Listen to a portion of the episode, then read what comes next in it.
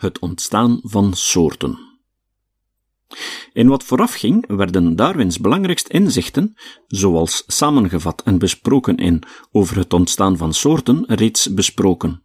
Ik kan mij hier dan ook beperken tot een relatief kort overzicht van Darwins, een lange bewijsvoering, zoals hij zelf over het ontstaan van soorten omschreef, waarbij ik de logische structuur ervan poog bloot te leggen.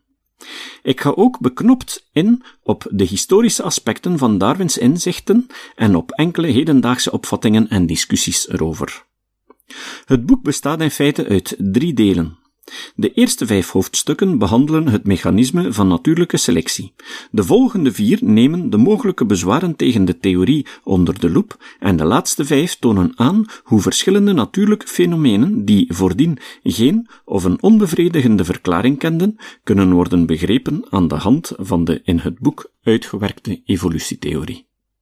In het eerste hoofdstuk, variatie onder domesticatie, legt Darwin uit hoe gebruikmakende van de in elke generatie opnieuw voorkomende variatie, dier- en plantentelers door voortdurende kunstmatige selectie sterk afwijkende variëteiten van gedomesticeerde dier- en plantensoorten hebben geproduceerd.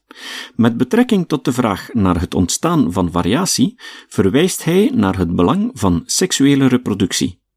Hij veronderstelt daarbij, verkeerdelijk, zoals we nu weten, dat de effecten van de omgeving op het reproductieproces iets te maken hebben met het ontstaan van variatie. Hij stipt ook het belang aan van erfelijkheid en schrijft: Iedere variatie die niet is overgeërfd, is onbelangrijk voor ons. Pagina 12. Geselecteerde variaties moeten immers doorgegeven worden om evolutie mogelijk te maken. Hij gaat uitgebreid in op de verschillende duivenvariëteiten, rassen, en legt uit dat die volgens hem variaties zijn op één soort, de rotsduif, Columbia livia. Sommige andere naturalisten veronderstellen dit eveneens, maar Darwin begreep hoe de variëteiten waren ontstaan, namelijk door de accumulatie van lichte verschillen gedurende vele opeenvolgende generaties. Pagina 29.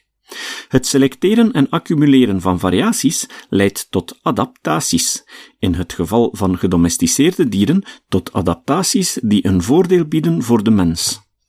De natuur levert opeenvolgende variaties.